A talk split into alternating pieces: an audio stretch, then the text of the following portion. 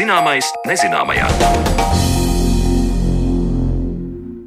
Esiet sveicināti raidījumā, zināmais nezināmajā. Ar jums kopā esmu Sandra Kropa, un šodien raidījumā mēs parunāsim par to, kā dažādu jomu zinātnieki apvienojot spēkus spēj radīt ilgi gaidītas un pārsteidzošas lietas. Tā notic arī Latvijā, kur pētnieki veido īpašus čipus, kas spētu imitēt cilvēku orgānos notiekošo. Vairāk par šiem čipiem un kā tie palīdzētu aizvietot pētījumos laboratorijas dzīvniekus, mēs stāstīsim raidījuma otrajā pusē. Līdz tam gan vēl palūkosimies uz to, kas mums pilnīgi visiem, gan cilvēkiem, cilvēkiem, gan augiem un dzīvniekiem uz šīs planētas ir kopīgs.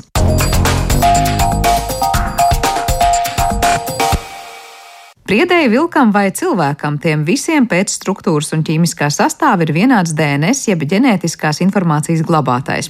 Atšķirības ir genomā, kur ir iekodēta informācija, kas katram individam ir citādāka, saka molekulāra ģenētiķis, Meža zinātnes institūta Silau vadošais pētnieks Dainis Runģis. Par koku un cilvēku gēniem, par neseno gēnu modificēšanas vēsturi un kas mainījies gēnu izpētē pēdējos gados, par to molekulāra ģenētiķi iztaujās mana kolēģe Zana Lāca Baltalksne. Dažādas organisma pazīmes nosaka gēni, kuros glabājas šī informācija.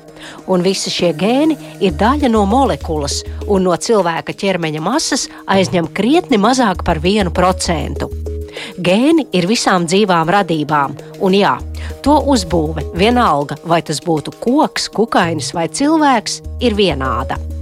Kā tad veidojas atšķirības un kāpēc, piemēram, nevar cilvēkam ievadīt priedes gēnu un gaidīt, kad matu vietā mums augs skujas?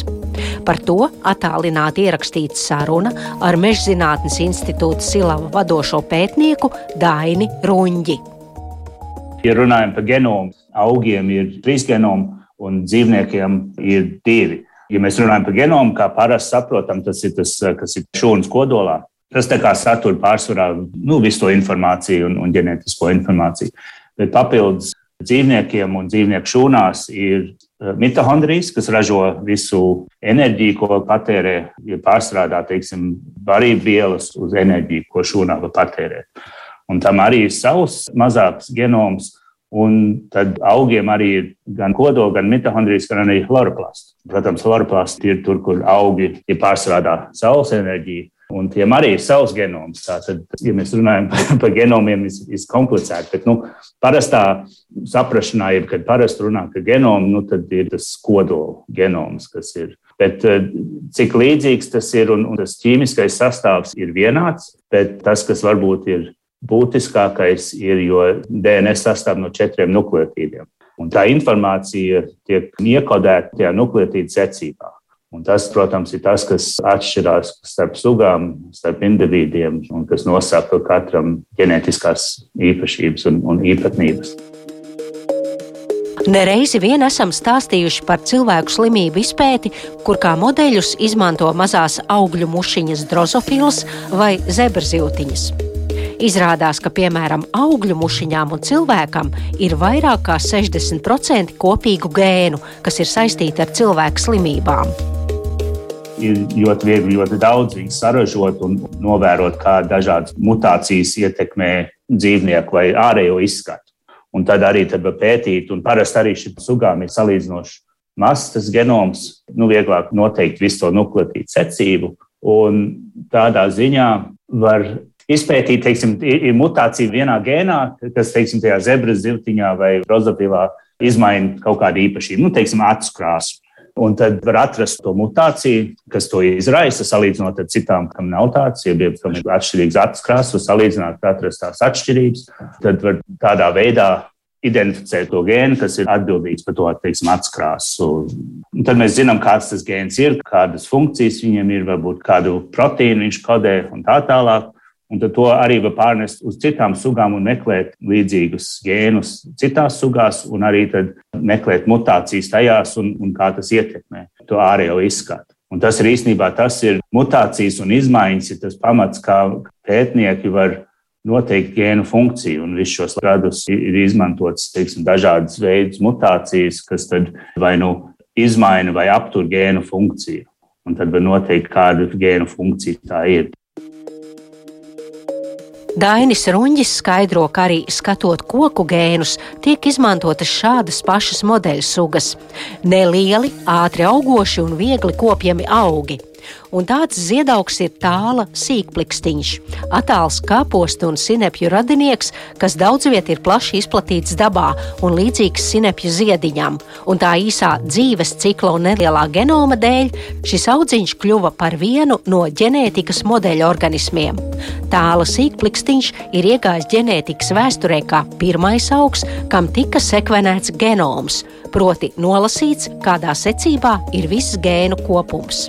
Nu, viņam ir, ir maziņš genoms, viņš ir viegli audzējams, viņš tas ir bijis kā modeļs. Tā tad ir bijušas šīs modeļu sugas, pārējās sugas, kas ir arī varbūt, teiksim, meža saimniecības, lauksaimniecības būtiskas, tās pišķiņ lēnāk ir attīstījušās, jo viņiem nu, teiksim, īpaši skujkokiem ir ļoti lieli genomi. Salīdzinot ar teiksim, cilvēku genomu, skujkokiem ir apmēram 8 līdz 10 reizes lielāks genoms, vairāk DNS. Un arī teiksim, tagad, eh, tikai pēdējos, varbūt piecos gados, ir pietiekami attīstījušās tehnoloģijas, tieši DNS sekvenēšanas tehnoloģijas, lai varētu nu, arī nolasīt uh, puslīdz precīzi skujko genoms, kas, kas agrāk nebija iespējams. Pat pirms 15 gadiem, kad strādāju tieši pie EGOS, viena no pirmām EGOS eh, genoma projekta, un tad arī neviens tajā brīdī nedomāja, ka būs iespējams no, nosekvencēt visu egos genomu. Bet nu, tagad tas ir izdarīts jau pirms vairākiem gadiem. Tas ir tas tehnoloģijas attīstība.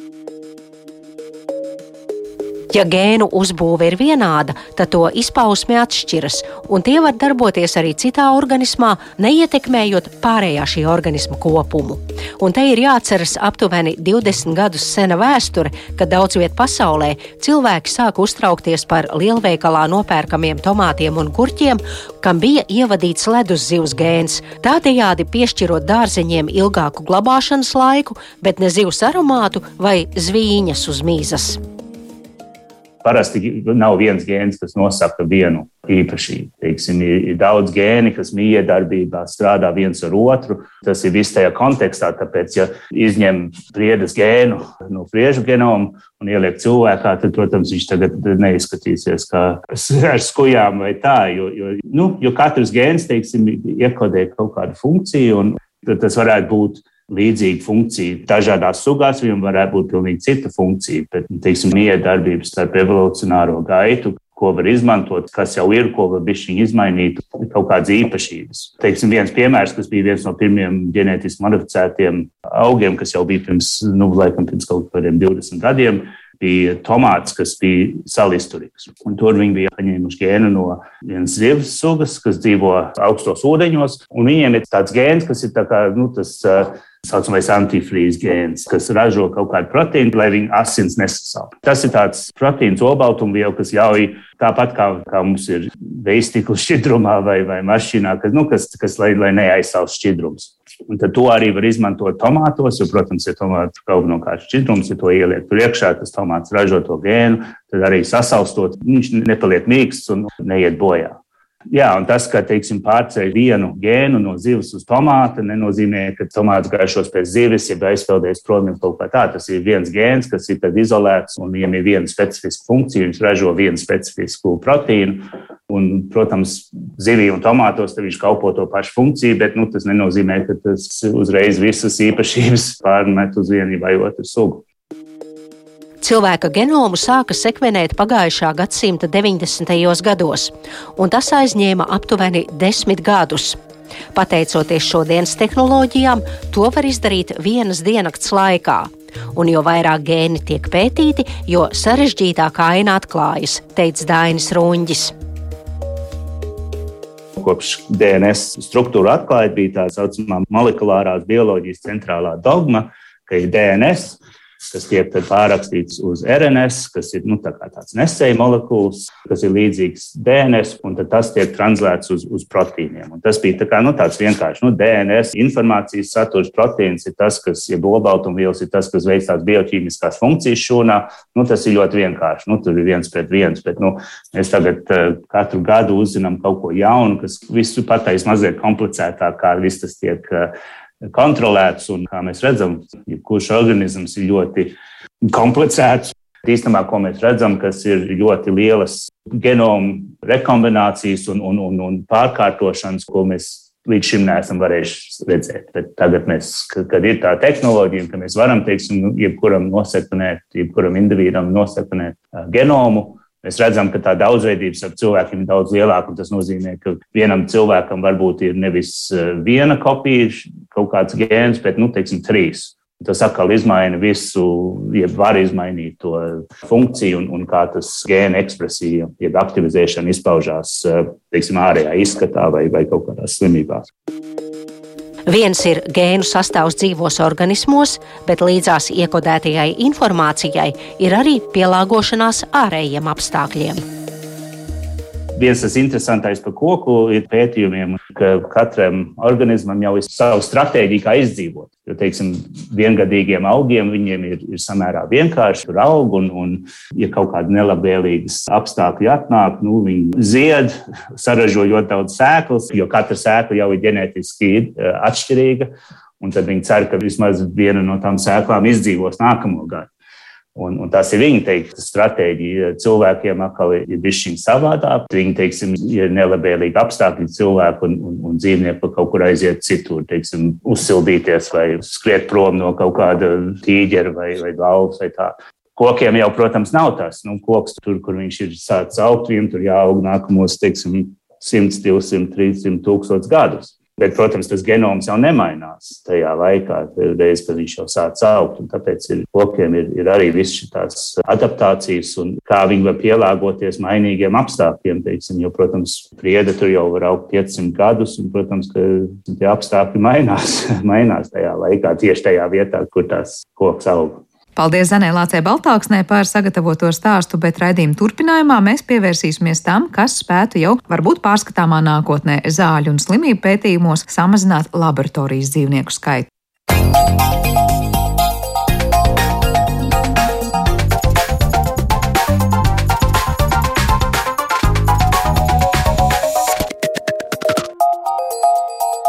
Zināmais nezināmajā. Cik daudz un bieži mēs esam dzirdējuši to, ka būtu jāatsakās no dzīvnieku izmantošanas pētījumos. Ir jomas, kur sen jau kā dzīvnieki ir aizstāti, taču zāļu vai slimību pētīšanā laboratorijas dzīvnieki noteiktā posmā joprojām ir neaizvietojami. Taču iespējams tas tā nebūs ilgi, jo talkā varētu nākt īpaši čipi, kuros esošās dzīvās šūnas spēs imitēt orgānos notiekošo. Par to, kas tad ir šie čipi un kādas būtu to pielietojumus, mēs šodien plašāk runāsim raidījuma atlikušajā sadaļā, kad ar mums kopā studijā ir Latvijas. Latvijas Biomedicīnas pētījumu un studiju centra dzīvnieku laboratorijas bloka vadītāja Zāne Kalniņa. Labdien! Labdien. Tāpat arī šī paša institūta vadošais pētnieks Artūrs Abols. Sveicināti! Sveiki! Un Cietvielu fizikas institūta elektronisko un fotonisko mikro un nano ierīču prototipēšanas laboratorijas vadošais pētnieks Roberts Rīmša. Labdien! Sveiki! Nu, ko sāksim ar to, kas tad ir šī par ideju, ka tiešām uz tāda izmēros salīdzinoši neliela plastmasas gabaliņa mēs varētu teikt, būtu imitēts viss tas, kas būtu aknas, nieras, plaušas, zarnas vai jebkur citi orgāni. Sākšu ar to, kas ir šie orgānu čipi un kāda ir to būtība. Laikam sākšu ar to tehniskāko un inženiertehniskāko pusi Robertam. Tad vārds. Jā, principā orgānu čipi ir mikro iekārtas, kuru pamatbūtība ir mēģināt replicēt daža, dažu orgānu dažas funkcijas ārpus cilvēka organisma. Tas tiek panākts kultivējot cilvēku orgānus mazos mikrokanālos, kur šiem kanāliem tiek pielikta plūsma, kas satur šūnām nepieciešamās barības vielas. Un dēļ plūsmas mēs varam panākt to, ka šūnas uzvedās tā, it kā tās būtu dzīvā orgānā kā biologiem izklausās tas, cik ļoti mēs varam teikt, ka tās šūnas, kas uzvedas tā, it kā būtu dzīvā orgānā, patiešām spēj imitēt to orgānu.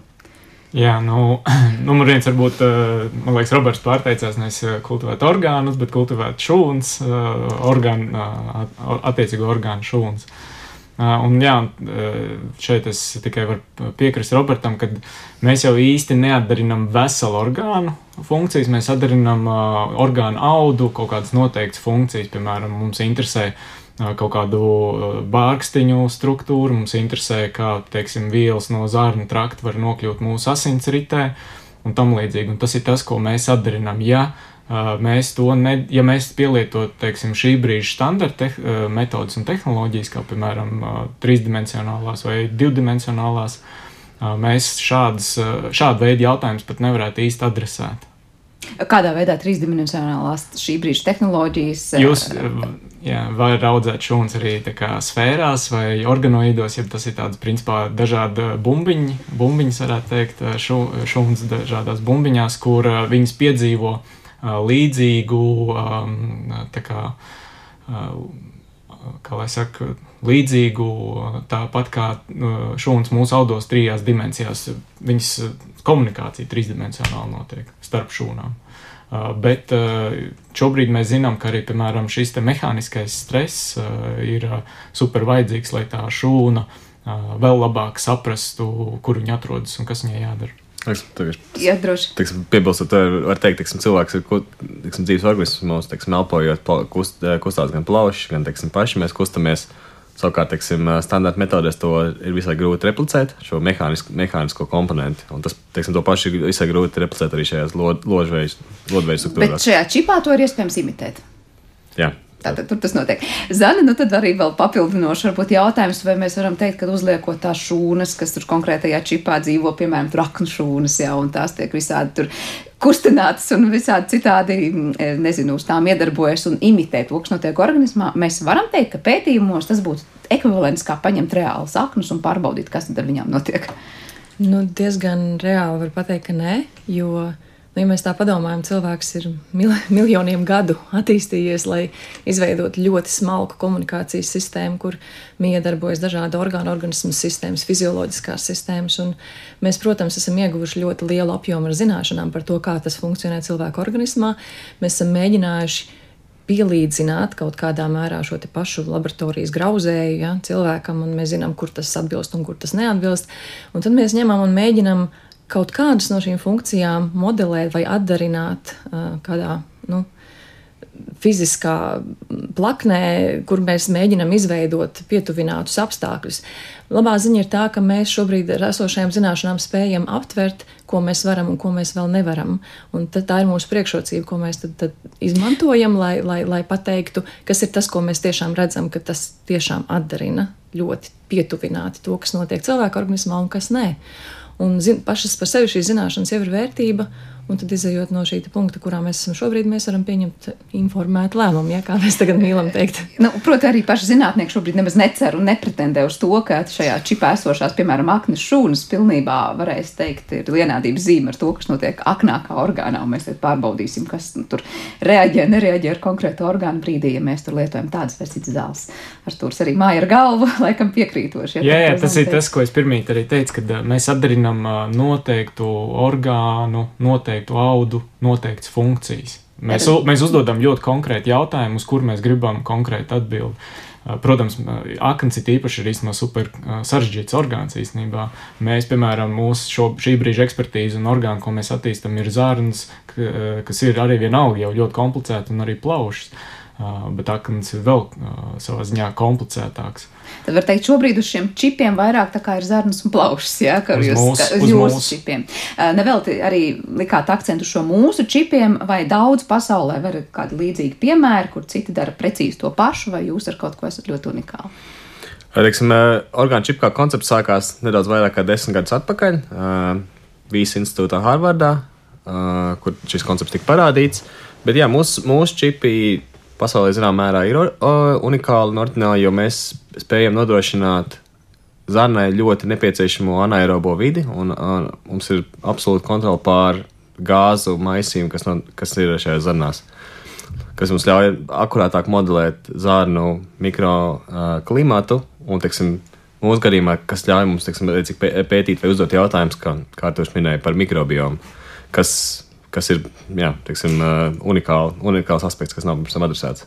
Bet kā tas vizuāli izskatās? Es saprotu, tas plasmasas gabaliņš, teiksim, tā šis čips ir ar konkrētām šūnām, tur konkrētā vietā, vai savukārt barības vielām, kas nu, imitē to, kas notika mūsu asinsritē. Bet tas, kāds tur ir gāzu maisījums, visur, kur un kurā brīdī, kas kustās, nekustās. Tā ir tāda atsevišķa kaut kāda iekārta, skapis, kas tur ir pieslēgts tam čipam klāt. Orgāna čips ir kredītkartes izmēra iekārta, kurā ir mikrokanāli. Tad, principā, tie ir kanāli, kur vismaz viena no dimensijām ir mata diametrā vai pat mazāka. Un, tad, un šajos kanālos mēs varam uzsvērt šīs, šīs šūnas. Jā, un tālāk ir šobrīd mēs izmantojam industrijā diezgan standartizētas tehnoloģijas, kā šūnu inkubatoru, dažādas spiedienu vai šķirtsu. Tas inkubators nodrošina temperatūru, mitrumu, gāzes sastāvu. Mēs viņus varam variēt, mēs liekam dažādos inkubatoros šīs barotnes, lai variētu to gāzes sastāvu, un tad plūsmu mēs nodrošinām gan ar spiedienu sistēmām, gan ar šķirtsu sūkņiem.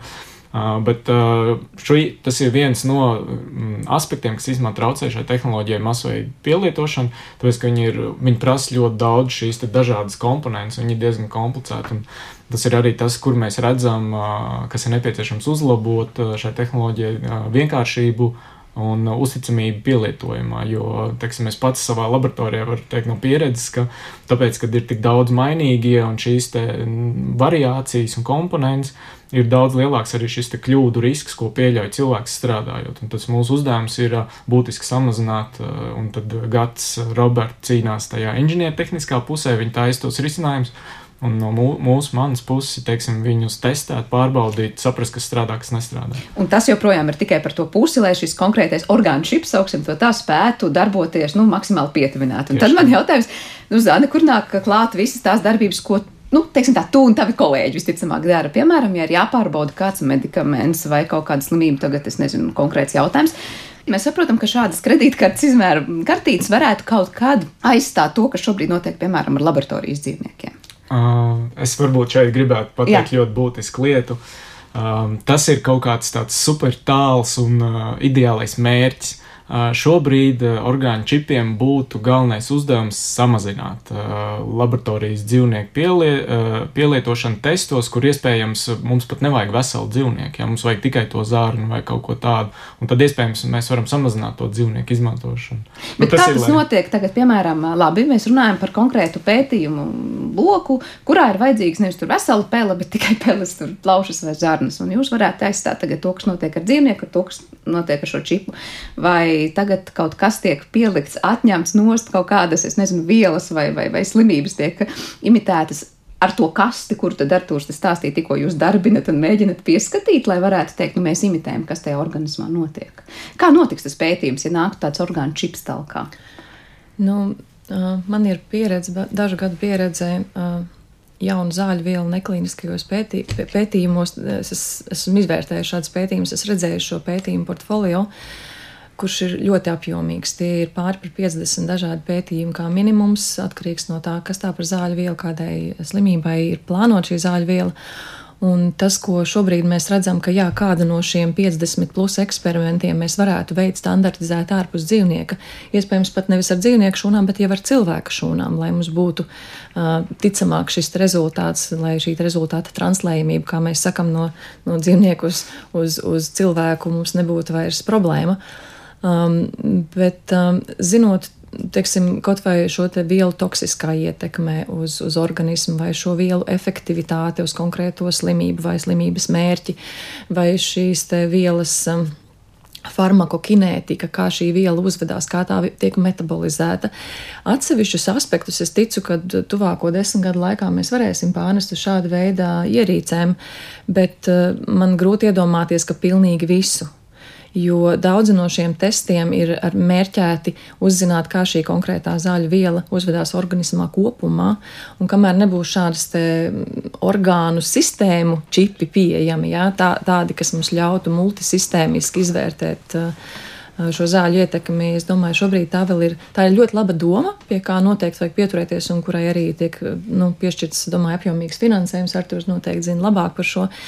Un, un tā noteikti ir laba lieta, ko turpināt. Bet šobrīd būsim reāli tuvākos, es domāju, 15, 20 gadus mēs to īsti nevarēsim atteikties no šāda veida testē, vielu testēšanas dzīvniekos. Bet, ja, piemēram, mēs kaut kādus konkrētus aspektus aizvietojam, cik daudz mēs varam teikt šobrīd, es nezinu, mēs nu, neizmantotu laboratorijas dzīvniekus, vai cik procentuāli lielu daļu mēs varētu teikt, mēs aizstātu to, kur šobrīd, piemēram, tie laboratorijas dzīvnieki ir neaizstājami.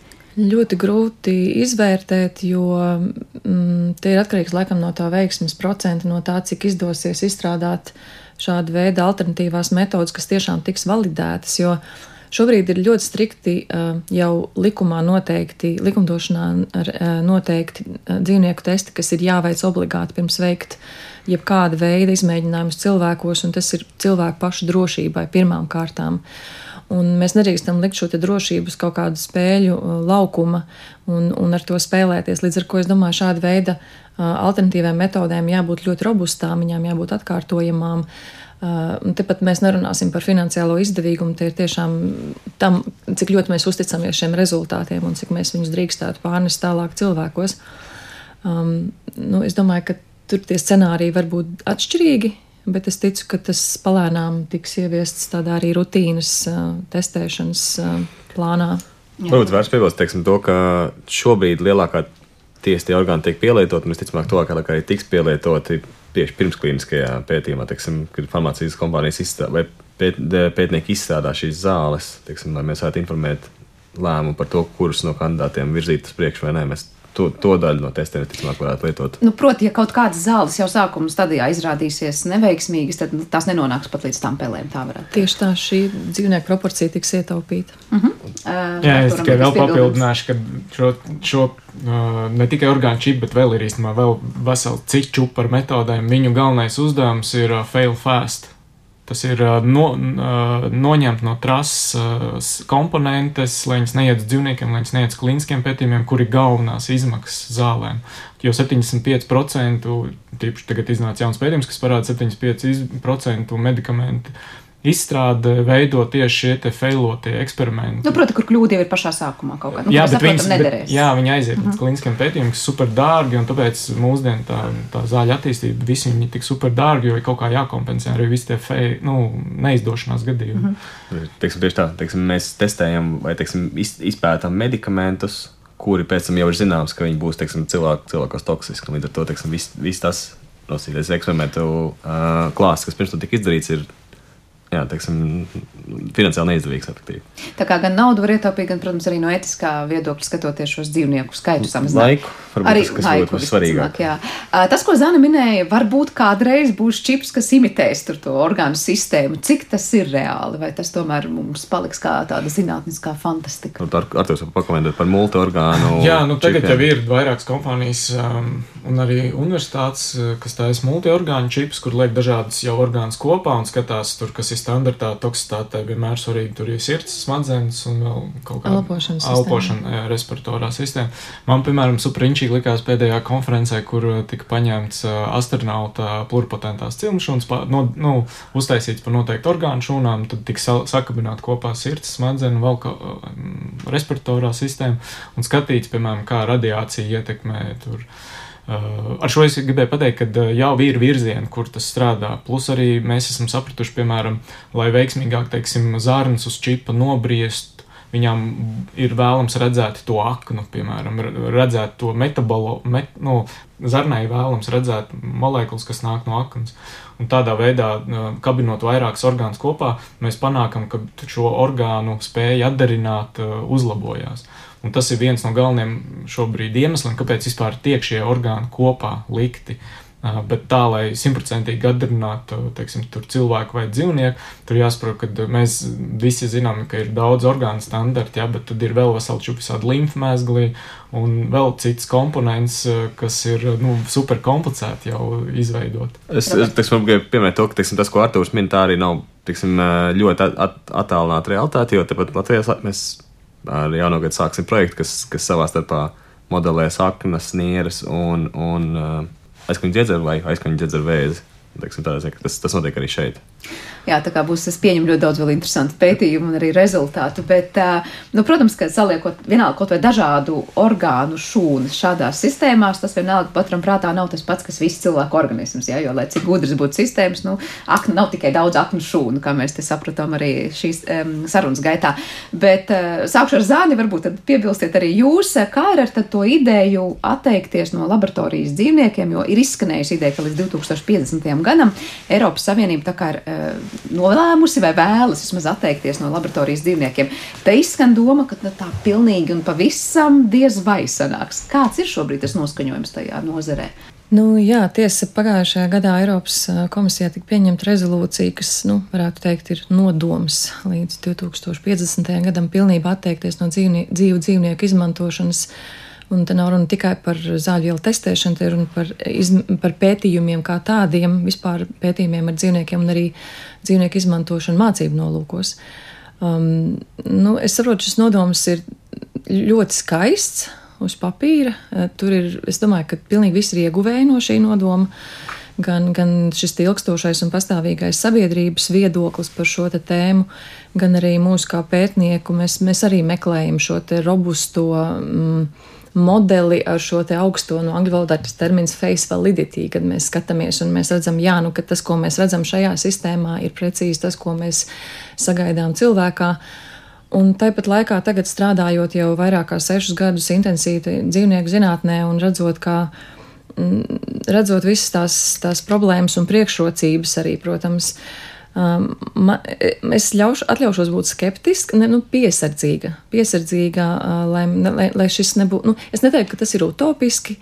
Es noteikti domāju, ka šajā virzienā ir noteikti lieliem soļiem uh, jāvirzās, un Eiropas Savienība ir noteikti nolēmusi, pieņemot šo rezolūciju, arī būtisku finansējumu virzīt šajā virzienā.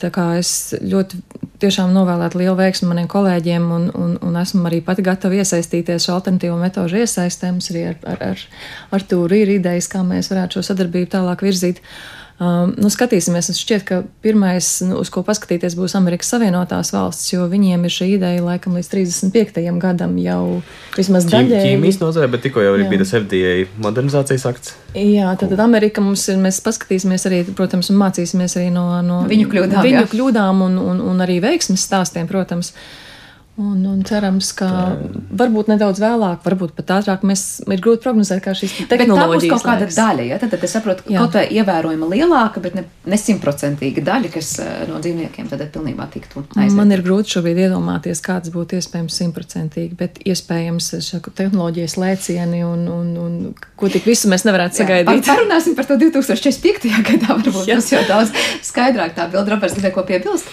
Jā, par to, teiksim, ASV ir priekšā šādu čipu testēšanai teiksim, ļoti aktīvi FDA ņem šo tehnoloģiju jau teiksim, savējās iekšējās laboratorijās un, un to pielieto un teiksim, veids tests teiksim, jaunās zāļvielas, kas, kā, nu, zā, zāles, kas tiek vestas uz ASV tirgu. Gan arī visām tagad tiek prasīta orgānu, mod, orgānu modeļi. Bayer, pagājušajā gadā tika prasīts, šķiet, tas bija niečips. Un tad zinu, ASV visticamāk, ka tieši, tieši tā varēs rādīt mums cenu, ka mēs esam mācīties no, no viņu pieļautiem kļūdām. Jo modernizācijas akts šobrīd iekļauj to, ka pēt, klīnisko pētījumu pieteikumos varēs izmantot datus, kas ģenerēti ar orgānu čipiem specifiski minot šo tehnoloģiju.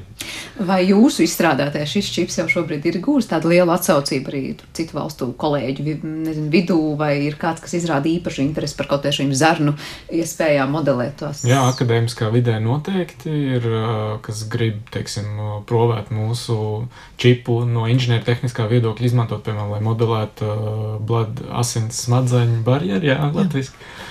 Um, tad ir um, citi kolēģi, kuri tiešām interesē vairāk tieši tas, ka mēs varam uzturēt to mikrobiotu dzīvu. Uh, tas tajās mūsu zarnās uh, vairāk kā teiksim, 72 stundas.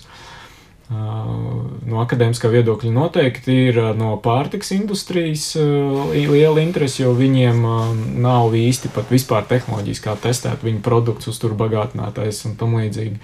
Cik es zinu, viņi vispār standartā baigi netiek testēti. Un no farmācijas arī ir bijusi interese. Jā, jā nu, spin-off uzņēmums Labs ir visai daudz runājuši gan tieši pārtiks industrijas un lielo farmācijas uzņēmumu. Proti, šobrīd tos uzturbagātinātājus īstenībā neviens netestē atbilstoši tam, kā, nu, varbūt mēs sagaidītu no medikamentiem, piemēram, un šīs metodas ļautu to arī paskatīties. Nu, tāda būtu tā vēlme, vīzija. Katrā gadījumā šāds instruments vismaz ļautu ieskatīties labāk nekā līdz šim viņi to šobrīd dara. Teiksim, bija daudzām kompānijām, ka iekšējā politika teiksim, ir neizmantot dzīvnieku pētījums, it īpaši, ja tas teiksim, ir saistīts ar zarnu, zarnu mikrofloru un mik mikrobiotu. Mikrobiotas pētījumiem. Un tas teiksim, mūsu zarnu čips, kas ļauj to mikrobiotu kultivēt, ir tādā ziņā unikāls. Ja mēs jau par nākotni runājam, labi, viens variants būtu ievērojami samazināt laboratorijas dzīvnieku skaitu, kas tiek aizstāti ar šādiem čipiem. Es saprotu, ir izskanējusi arī doma, ka mums katram varētu būt ļoti personalizēta un individualizēta pieeja. Nu, piemēram, paskatīties, kas konkrēti notiktu ar tur konkrētā cilvēka orgāniem. Jā, es nezinu, vai tas ir uz konkrētām zālēm vai slimībām. Jā, nu tas ir arī virziens, kurā mēs strādājam. Mums ir viens projekts, kur doma ir paņemot šajā gadījumā no plaušu vēža pacientiem, mēs liekam organoīdus, plaušu vēža organoīdus, un no šī paša pacienta mēs attīstam arī viņa endotēlu asinsvadu šūnas. Mēs gribam paskatīties, vai šādas modeļus var izmantot, lai testētu, piemēram, zāļu piegādes kaut kādus mehānismus. Bet, nu jā, šis ir teiksim, Latvijā, teiktu, un mūsu viens no tādiem pirmiem mēģinājumiem personalizēt tos čips.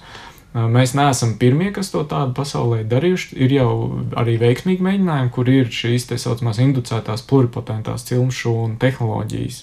Tas ir, kad mēs paņemam no cilvēka somatiskas, jeb galēji diferencētas šūnas, uh, pārprogrammējam, uztaisām viņus kā embrionāls cilmšūnas, un tad mēs viņus pārveidojam par jeb, um, ko vajag. Ja?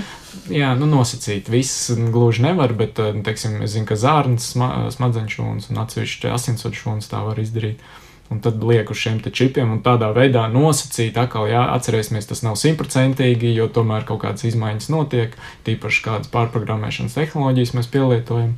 Bet um, Nu, jā, tie ir tie pirmie mēģinājumi. Man liekas, tas arī padara to tehnoloģiju savā ziņā tik attraktīvu, ka viņu var pielietot tik daudzos dažādos veidos. Nebūs tā, ka tas būs tik dārgi un tik varbūt nu, laikietilpīgi un naudietilpīgi, ka mēs teiksim, tas notiek reti un par maz. Es teiktu tieši otrādi. Teiksim, tas labums ja, mikrotehnoloģijām ir tas, ka mēs varam izmantot maz, maz daudzumu šūnu, kas okay, pats par sevi ir vienkārši no parauga savākšanas viedokļa, bet tā pašā laikā esam izmantot mazus tilpumus vajadzīgajām teksim, šūnu pārtiks vielām vai barotnēm. Tie, tie tilpumi, tie eksperimenti ir relatīvi um, pret dzīvniekiem, iespējams, pat salīdzināmās izmaksās ir nelētāki. Jā, Zanē, droši vien ir ko teikt par to, Jā. cik dārgi patiesībā ir laboratorijas dzīvnieku pētījumi. Jā, interesanti. Mēs ar Robertu Ratūru tā neesam pat piesēdušies un paskaitījuši, cik. Es domāju, ka tad, kad šī te mikročipu tehnoloģija būs tāda jau robusta, atkārtojama un ar jau standarta procedūrām nu, papildināta, kā viņus izmantot. Teiksim, viņi būs jau salīdzinoši vienkārši izmantojami. Es ļoti esmu pārliecināta, ka tas būs lētāk. Jo dzīvnieku ne tikai iegāde, piegāde, bet arī uzturēšana, visu apstākļu uzturēšana, tā ir standartizēšana, ir ļoti, ļoti dārga. Ja mēs bieži aizmirstam, tie, kas nav ar zinātnē saistīti, cilvēki, ka laboratorijas dzīvnieki nav tā vienkārši kaut kādi dzīvnieki, tie ir speciāli audzēti, dzimuši, lai būtu laboratorijas dzīvnieki. Ja, tad, tad ģenētiski maksimāli, maksimāli tīri identiski un kādi tur vēl. Ne? Jā, maksimāli standartizēti ar noteiktu mikrobioloģisku statusu noteikti veselības status un arī no ģenētiskā viedokļa, jā, tur mēģina šo dzīvnieku nu, populāciju maksimāli homogēnu uzturēt. Ir, ir dažādi, bet dzīvnieku um, modeļi ir labi arī ar to, ka viņiem ir iespējams modificēt ģenētiski, ieviest, piemēram, cilvēkos esošās mutācijas, pārnest uz dzīvnieku un tādā veidā atdarināt, ja modelēt konkrētu saslimšanu. Um, es varētu ar to papildināt varbūt par šādiem slimību modeļiem uz čipa. Jā, ir, uh, ir at, atsevišķi gadījumi, kur tieši izmanto no slimiem pacientiem, teiksim, cistiskā fibroze, man liekas, ir bijusi gadījums, kas ir uztaisīts uz čipa. Un, uh, tam, Tad ir imitēta slimība uz čipa. Jā, jā, un mhm. tas ir, tas ir tas, tā ir tā pievienotā vērtība tai čipu personalizēšanai, ka mēs varam paņemt no slima cilvēka, teiksim, ja tā ir kaut kāda ģenētiska mutācija vai vēl kaut kas, mēs varam uzbūvēt kaut kādu šo defektīvo audu atbildi un tad jau testēt kaut kādus elementus. Bet kā šobrīd ar tiem čipiem izskatās, nu, tās pirmās šūnas, ko jūs paņemat, lai tagad tur imitētu, piemēram, tās zarnas vai aknas, kādas ir tās, nezinu, prasības kvalitātei tām šūnām, no kurienes tās ir un kā jūs tās iegūstat, un kādām tām ir jābūt? Jā, šobrīd mēs savus metodoloģiju un visu mēs esam atstrādājuši ar tām saucamām stabilām šūnu līnijām. Tās ir principā šūnu līnijas, kas nāk no šūnu bankām, kuras ir ļoti standartizētas, labi nu, apraksturotas, noraksturotas. un tam līdzīgi. Un, un tur mēs, kad viņus uzaudzējam uz čipa, ja, tad uh, mēs zinām konkrēts rādītājs, kāda ir šī barjeras caurlaidība, kādi marķieri, teiksim, vizuāli, kādiem marķieriem mums ir jābūt un kā mums viņus jānoķer. Tad, kad spēlē iesaistās primārā, jeb no pacienta iegūtās šūnas, ja, tur, ir, tur ir diezgan liela variācija un dažādība. Ja. Un, un tur ir bijis viņa komplicētāk. Tur joprojām ir uz kaut kādiem marķieriem, ko mēs varam skatīties uz barjeras caurlaidību.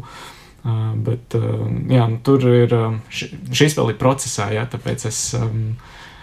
Kur ir šobrīd vairāk izaicinājumu tajā inženieru tehniskajā pusē vai tajā bioloģijas pusē, kur no vienas puses liekas, nu, abi jau sastopas. Es domāju, tas jau nav jebkāds plastmasas gabals, ko, iz, ko ar, ar, ar kanāliņiem ražot un teikt, nu, lūdzu, šeit būs čips. Jā.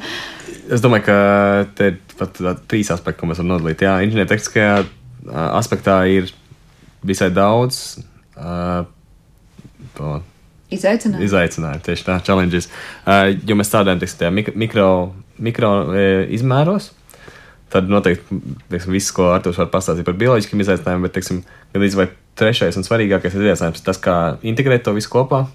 Multidisciplin, multidisciplinārā problēma, problēma tas, kad, kad inženieri čips sastāv, sastopās ar, ar, ar šūnu, dzīvām šūnām, jā. ar šūnām no, no, no biologiem. Un, teiksim, kā Arthurs teica, teiksim, tas nav mehāniski vienkārši iemācīties strādāt ar šādiem čipiem un, teiksim, kā panākt, ka šī, jā, ka šī šūnas katru eksperimentu vien, vienmērīgi teiksim, nosēžās un, teiksim, kas notiek eksperimentu beigās, kā mēs viņus iekrāsojam. Teiksim, tas viss, teiksim, tāpēc, ka tā ir jauna tehnoloģija, tas vienkārši gadiem nav atstādāts, nav publicēts standardizēta protokola, vai, teiksim, vai tie publicētie standardizētie protokoli ir uz iekārtām, kas varbūt nav tik, teiksim, optimāls. Tā kā tas viss ir jārada no jauna šobrīd. Tieši tā, teiksim, trūkst milzīga zinātnē, zināšana bibliotekas. Jā, kāda ir tie izaicinājumi bioloģijas pusē? Nē, nu, tas, ko Roberts teica, jā, nu, es tikai varu papildināt, ka tāpēc jau mēs esam zinātnieki un darām to, ko mēs darām. Tas ir mūsu darbs, radīt jaunas lietas, jaunas tehnoloģijas, jaunas idejas. 24, 7 būtu klāt pie tām šūnām, ja, kas tur vienā nu, brīdī to, aug. To dara uz, to dar uz maiņām, bet nu, tā ir realitāte, jā, 24, 7. Zana, tad noslēdzošais jautājums būs tavā virzienā. Kādus tu rēdzies, nezinu, vai 10, 20 vai 50 gadu laikā izmaiņas laboratorijās, kas notiks, ja šie čipi ar vien vairāk ienāks tādā, nu, standartizētā dienas kārtībā?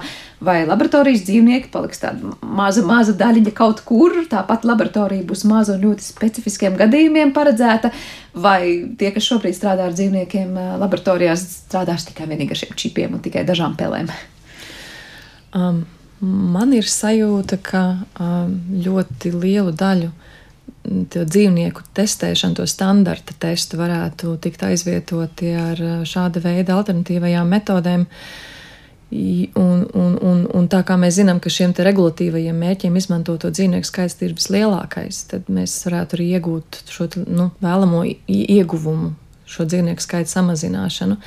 Es domāju, ka paliks uh, tas, ko mēs saucam par um, RD, jeb, jeb pētījumiem, pētījumiem tādiem tīri fundamentāliem pētījumiem, kur mēs mēģinām varbūt tikai vēl saprast procesus vai saprast slimības pašas tad es domāju, ka tur mums dzīvnieki vēl turpinās palīdzēt vēl, vēl ilgi. Bet, jebkurā gadījumā, šādi tehniskie risinājumi būs neaizvērtams palīgs, kas arī varētu mums palīdzēt šiem dzīvniekiem. Es absolūti tam ticu, jā. Nu, ko, es domāju, daudz klausītāji arī tam grib ticēt un cer, ka tā notiks. Es teikšu jums visiem lielu paldies par sarunu un atgādināšu, ka šajā redzījuma pusstundā mēs šeit bijām kopā ar Latvijas biomedicīnas pētījumu un studiju centra dzīvnieku laboratorijas bloku vadītāju Zani Kalniņu, šī paša centra vadošo pētnieku Artūru Abolu, kā arī Citvēl fizikas institūta elektronisko un fotonisko mikro un nano ierīču prototipēšanu zinātnes laboratorijas vadošo pētnieku Robertu Rīmšu. Ar to arī raidījums ir izskanējis. Ar jums kopā bija Sandra Kropa un vēlot jauku dienas turpinājumu no jums atvadavas uzredzēšanos.